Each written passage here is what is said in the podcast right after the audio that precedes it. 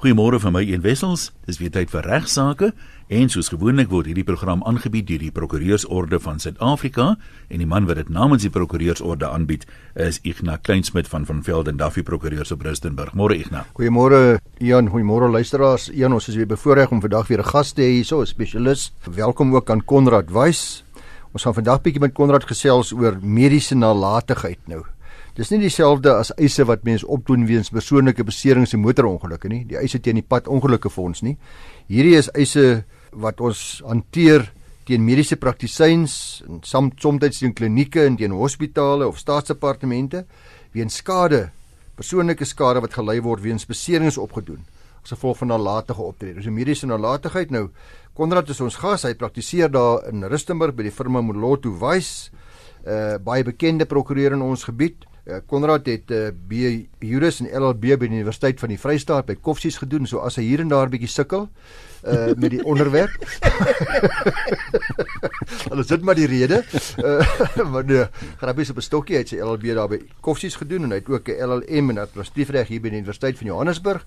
Maar en, dan doen julle uh, eintlik goed want sy span was die waarse die kampioen die vorige jaar en jou span is die huidige kampioen. Ja, dit is so. Ons so so gaan dit al hoe beter met die pikke want dis ook waar hy sy uh, M in filosofie gedoen het. So sy filosofie is uitstekend, sal julle agterkom.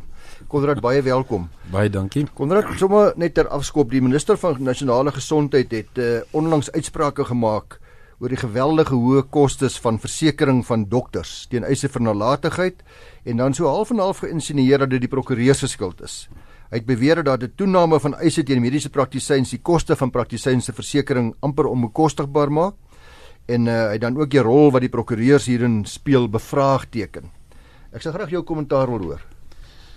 Ek nou reg oor die wêreld, um, in Amerika, Europa en selfs in die Midde-Ooste word eise ingestel teen professionele persone soos prokureurs, mediese ingenieurs, argitekte ensovoorts vir die verhaal van skade weens hulle nalatige optrede. Ehm um, Suid-Afrika en die Suid-Afrikaanse regstelsel is derhalwe nie uniek in die verband nie. Die beginsel is reeds in die Romeins-Hollandse reg erken en word tans deur die grondwet van Suid-Afrika bevestig. Alle professionele persone behoort versekerings teen nalatige optrede te hê prokureurs en regslei beskik ook oor sodanige versekerings. Indien 'n Suid-Afrikaanse regsfirma byvoorbeeld blootstelling het aan internasionale kliënte in geldmarkte en verplig is om versekerings van 100 miljoen dollar uit te neem, is dit tog 'n keuse wat hulle as prokureurs moet uitoefen of hulle die uitgawe wil aangaan om die betrokke dienste kan lewer of nie. Op dieselfde wyse moet 'n medikus besluit of die besondere diens wat hy lewer finansiëel lonend genoeg is om die koste van sy versekerings te dek. En dan sê natuurlik daarbey dat die uh eise in uh die toename aan eise, die al hoe meer en meer eise weens mediese nalatigheid dat dit eintlik die rede is vir die verhoogde versekeringspremies wat seker so is of nie. Ja, dis tog 'n erkende besigheidsbeginsel. Ons almal weet dat versekerings op my voertuig byvoorbeeld sal styg indien ek 'n hoë risiko vir die versekeringsmaatskappy word weens herhaalde ongelukke of diefstal. Op dieselfde wyse gebruik versekeringsfirmas die beginsel om premies te verhoog weens die toenemende risiko's van eise teen medisy in spesifieke velde. Alhoewel eise teen medisy in die Suid-Afrikaanse regstelsel voor 1996 voor die nuwe grondwet algemeen was, het dit sedert die aanname van die nuwe grondwet toegeneem. Ek het al op hierdie program geïnsinieer, Ian, jy sal onthou dat een van die redes vir die toename in mediese nalatigheidseise is die afname in prokureurs wat POF eise doen. Wat, ek onthou ja. Wat wat eise doen wat uh, betref die uh, versekerings teen motorongelukbeserings. Nou uh, is dit een van die redes Ek is ek het nie regtig nog daaroor gedink nie. Ek en ek is nie heeltemal seker of ek daarmee sal saamstem nie want in my eie firma doen 'n ou baie pad ongelukkige sake, maar ook mediese nalatigheid. Dit is baie verwant omdat dit persoonlike beserings mm. eise is. Mm. As jy 'n ekspert in die een is, is jy in die ander veld ook uh, normaalweg. Ehm um, ek sou eerder sê dat met aanvaarding van die grondwet van die Republiek van Suid-Afrika is die regsraamwerk geskep waarbinne die mediese reg op 'n omvattende wyse toegepas word met 'n agneming van die beginsels van die grondwet, die gemeenereg, toepaslike wette, die beginsels van interpretasie en medies-etiese oorwegings. Maar die belangrikste is die oorheersende bepalinge van die grondwet wat hierdie oorhoofse in agneming uh uh moontlik maak. Konrad, ek dink jy is reg en ek sal dink dit sal interessant wees vir ons luisteraars om te weet watter beginsels in die grondwet is dan op mediese reg eintlik van toepassing? Weereens dat daar's daar's 'n hele aantal. Ek het nou maar so 'n paar wat ek na kan verwys en dis ook nie noodwendig die belangrikstes nie. Maar artikel 27.3 van die grondwet bepaal byvoorbeeld dat niemand mediese noodbehandeling ontsem mag word nie. Nou dis nogal ingrypend as 'n ou dink dat jy kan nie by 'n staatshospitaal of enige hospitaal aankom en noodbehandeling nodig hê en jy nie, dit ontsê word nie. Mense hoor mos maar die stories hmm. van hulle wil nie help nie omdat die ou nie deposito kan betaal nie of so iets. Ja, en mense besef dit staan spesifiek in die grondwet nie. Dit staan spesifiek in die grondwet en volgens die konstitusionele hof is die doel van hierdie bepaling om te verseker dat behandeling in geval van 'n noodgeval verskaf word en nie verhoed word deur bureaukratiese rompslomp of ander vereistes nie. Nou is ook die storie oor die gevangenes, nê, nee, in gevangenisse. Dis reg so. Partykeer dink mense dat die gevangenes uh mindere regte het, maar in terme van artikel 35.2 van die grondwet is gevangenes owerhede verplig om seker te maak dat waar nodig gevangenes voldoende mediese behandeling ondergaan.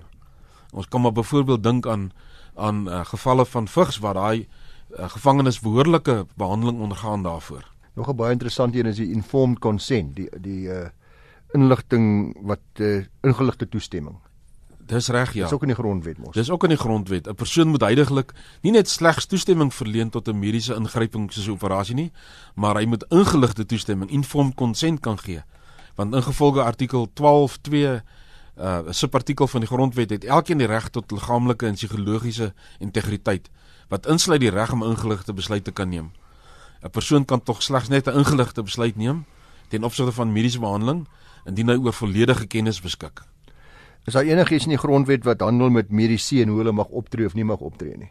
Nee, die nalatigheidsbeginsel is nie in die grondwet vervat nie. Dit is 'n gemeenregtelike beginsel dat 'n professionele persoon soos 'n medikus, argitek, 'n dokter, 'n uh, uh, uh, prokureur oor 'n regsplig beskik om in gegeewe omstandighede korrek op te tree.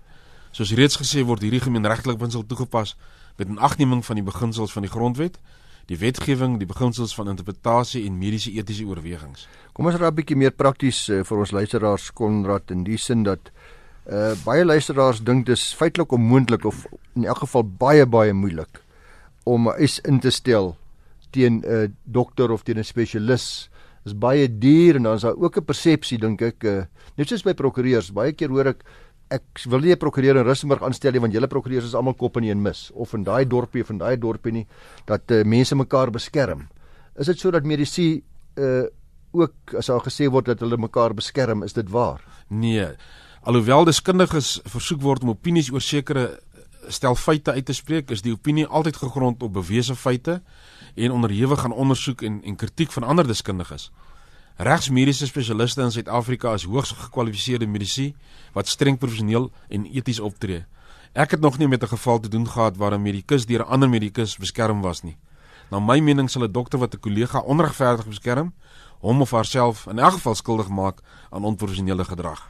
Maar ek dink dit is tog so dat dit verskriklik duur is om te litigeer op grond van mediese nalatigheid en vir die meeste mense eintlik onbekostigbaar raak. Ja, ons moet onthou dat die mediese reg 'n uiters gespesialiseerde area van die reg verteenwoordig.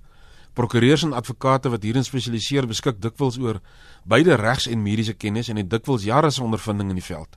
Voeg hierby die feit dat gebruik gemaak word van hoogs gekwalifiseerde regsmediese deskundiges ten einde saak te kan bewys, meermale tussen 8 of 10 sulke deskundiges. Ehm um, dan kan so die kostes hier aan baie maklik 200 000 rand beloop Maar dis dis presies waar die persepsie vandaan kom nou uh, en ek wil jy moet vir die mense verduidelik dat vir die luisteraars verduidelik hoe is dit dan dat die man op straat ek en jy en ons almal wat vandag luister dat ons dan eise kan instel teen mediese as dit so duur is. Wel ek nou gelukkig beskik die Suid-Afrikaanse reg oor die wet op geweerlikheidsfooie.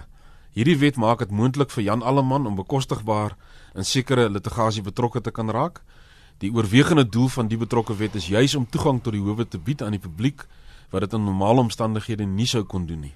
Miskien net kortliks die kernbepalinge van hierdie wet.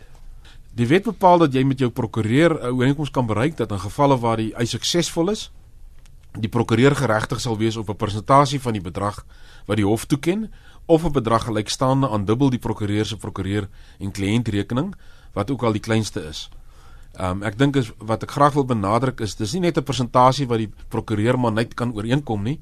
Hy moet ook nog 'n prokureur en kliëntrekening kan lewer en dan sodat mens kan bepaal of watter een van die twee die minste is. Die Engelse praat hier van nou sukses, nou fee, maar wat van uitgawes? dit, dit dit is die risiko wat die prokureur moet vat as hy dan so 'n saak aanvat en daar's uitgawes is dit vir sy eie rekening.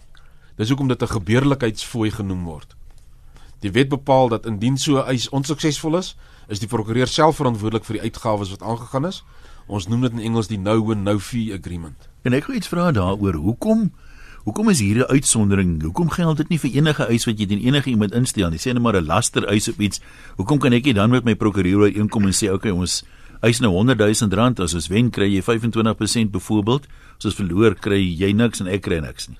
Die, die gebeurlikheidsfooi wet maak spesifieke uitsonderings waar jy dit nie mag doen nie. Byvoorbeeld in egskeidingsake kan jy nie so iets ooreenkom nie. In strafsaake kan jy ook nie so iets ooreenkom nie. Uh ek sou sê dat die etiese oorwegings is van so 'n aard. Dink maar byvoorbeeld in 'n egskeiding as 'n prokureur nie meer litigeer in belang van die kinders of die vrou of die partye nie, maar vir sy eie saak. In 'n mediese nalatigheidsaak behoort die prokureur se se belangrikste oorweging te wees om vir sy kliënt die hoogste moontlike voordeel te kry. Daai selfde beginsels geld nie in alle sake nie. Wat ook waar is uh, een oor die hele wêreld in die gemeenereg is dit 'n ou bekende beginsel dat dit ongesond is normaalweg om te deel in die opbrengs van litigasie.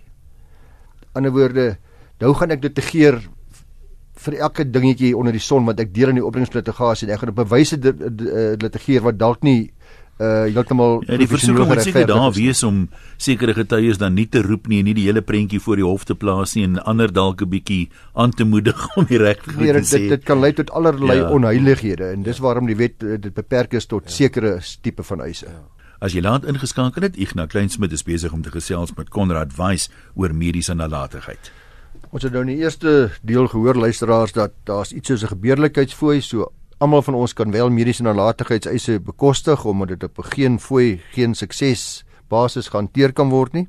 Maar Konrad, dit kan nogmaals steeds 'n redelike traumatiese ervaring wees so 'n saak en dit kan maar lank duur ook. Wat is die hoe hoe verloop so 'n tipiese saak vir mediese nalatigheid?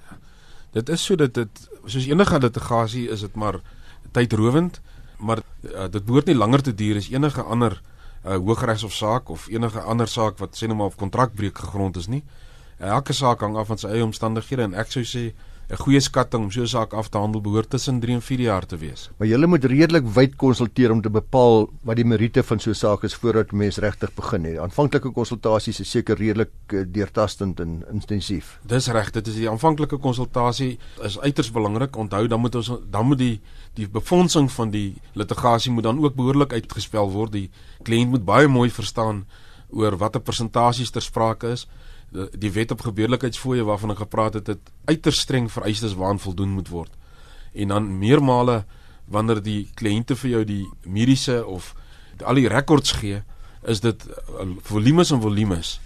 Um, ons het al gevalle gehad waar daar tot duisende bladsye ter sprake is wat dan nagegaan moet word om te kyk presies waar lê die nalatigheid en watter tipe nalatigheid is ter sprake. Ja, dan moet jy seker soms nog met ander medisy ook konsulteer om ander spesialiste om om om vas te stel of in daardie spesifieke beroep dit is nalatigheid beskou kan word. Dis reg, wanneer wanneer die prokureur 'n voorlopige opinie gevorm het, sal hy meeste van die tyd dit oorhandig aan 'n deskundige uh, wat dit nou weer sy deskundige opinie sal lewer en dan in die meeste gevalle ook sal aandring op 'n verdere opinie voordat daar voortgegaan sal word tot litigasie. Dan is dit die geval wanneer jy die uh, experts kry die deskundiges eerstens die uh, om die voorlopige opinie te gee. Soos ek gesê het meermale sal hy ook of sy ook dan aandring op 'n tweede opinie. En nadat dit gedoen is sal die uh, eisbesonderhede opgestel word. Dit word gewoonlik aan 'n senior advokaat gegee. Dit is advokate wat al reeds meer as 20 jaar praktiseer in hierdie veld in in meermale mediese en regsagtergrond het uh, wat dan 'n dagvaarding opstel en die dagvaarding word dan uitgereik en beteken um, op die dokter of die uh, hospitaal of staatsinstelling. Is daar nie uh, dokters of liewers prokureurs liewers wat sommer net voortvoeter nie en uh, wat nie tenstaande skraps mediese opinies maar besluit om maar wel die kans te vat nie. Igna My persoonlike mening, ek dink nie so nie. Dit is te riskant. So 'n benadering is oneties, uiters riskant en kan tot groot kostes vir die prokureur lei so ou sal 'n absolute waaghals moet wees om sommer net aan te gaan veral in die lig van die feit dat hy die kostes daarvan dra. Die Suid-Afrikaanse howe aanvaar nie blote getuienis van moontlike nalatige optredes nalatig nie en onderwerp sulke getuienis aan streng beoordeling en kritiek. 'n Prokureur kan homself of haarself blootstel aan eise vir laster in elk geval in gevalle van onredelike en ongegronde litigasie. Ek dink 'n etiese en ervare prokureur sal eerder versigtig as voorvarend wees. Ek sien by ons eie firma Konrad is daar 'n hele span mense wat betrokke is by die by ons padongelukke fonds afdeling. Elke spesialis soos jy in mediese nalatigheid het 'n span mense wat saamwerk om hierdie eis behoorlik te evalueer en voor te berei. Ja. Dis heeltemal so, mens kan dit nie dis nie naaste by een man wat dit hierdie dinge kan doen nie. Dis 'n hele span in in jou kantoor en dan selfs wanneer die litigasie begin, is daar 'n span betrokke. Daar's meermale prokureurs in groter sentra betrokke. Senior advokaat gebruik ook 'n junior advokaat. Ehm um, en almal die hele span en ook die span deskundiges wat ons gebruik. Meermale die eerste deskundige uh sien uit sy verslag uit sien ons dat daar's 'n tweede deskundige nodig. Uit die tweede deskundige sien ons daar's 'n derde deskundige nodig. Dan daar uiteindelik deskundiges uh, wat al hierdie verslae saamvat en dan 'n dan 'n opinie uitbring en dan uiteindelik 'n aktuaris wat al daai verslae saamvat en sê maar hier's die geldwaarde gekoppel aan hierdie al hierdie verslae. Dit klink vir my nou nou tyd tydrowende voorbereiding wat om sinvol so iemand te kan kruisverhoor sal jy redelik ingelig moet wees oor die mediese situasie en die aspekte en wat die opsies vir die chirurg of wie ook al was onder daai omstandighede. So ek dink dit dit verg meer voorbereiding as die gemiddelde saak. Ja, dis definitief so. En dan dit is ook so dat dat, dat hierdie litigasie is baie tydrowend wanneer die kruisverhoor een soos jy tereg sê, ehm um, vat baie langer as gewoonlik. Uh mense kan hom maar vir jouself indink as jy etlike sien nou maar honderde bladsye mediese rekords het. Ja. En jy moet nou 'n dokter daarop kruisverhoor op wat hy gedoen het. En die een wat hom kruisverhoor is 'n regsgeleerde. Ehm um, dan moet daai regsgeleerde dan weet waarvan hy waarvan hy praat as hy kruis verhoor. Absoluut. En dit is so, dit dit is tydrowend dat dan nie dat dit op so sinvolle wyse gedoen word dat die regter en almal dit ook behoorlik verstaan. Konrad, ek sê altyd vir ons luisteraars is interessant dat die dat wanneer jy drie bankregter het, dat twee regters dit sê en die ander regter dit sê, dan kom jy by die ander hof dan sê ses regters dit en vyf regters dit. Uh en uiteindelik is dit met spesialiste ook so nie. Nou wat gebeur as spesialiste met mekaar verskil?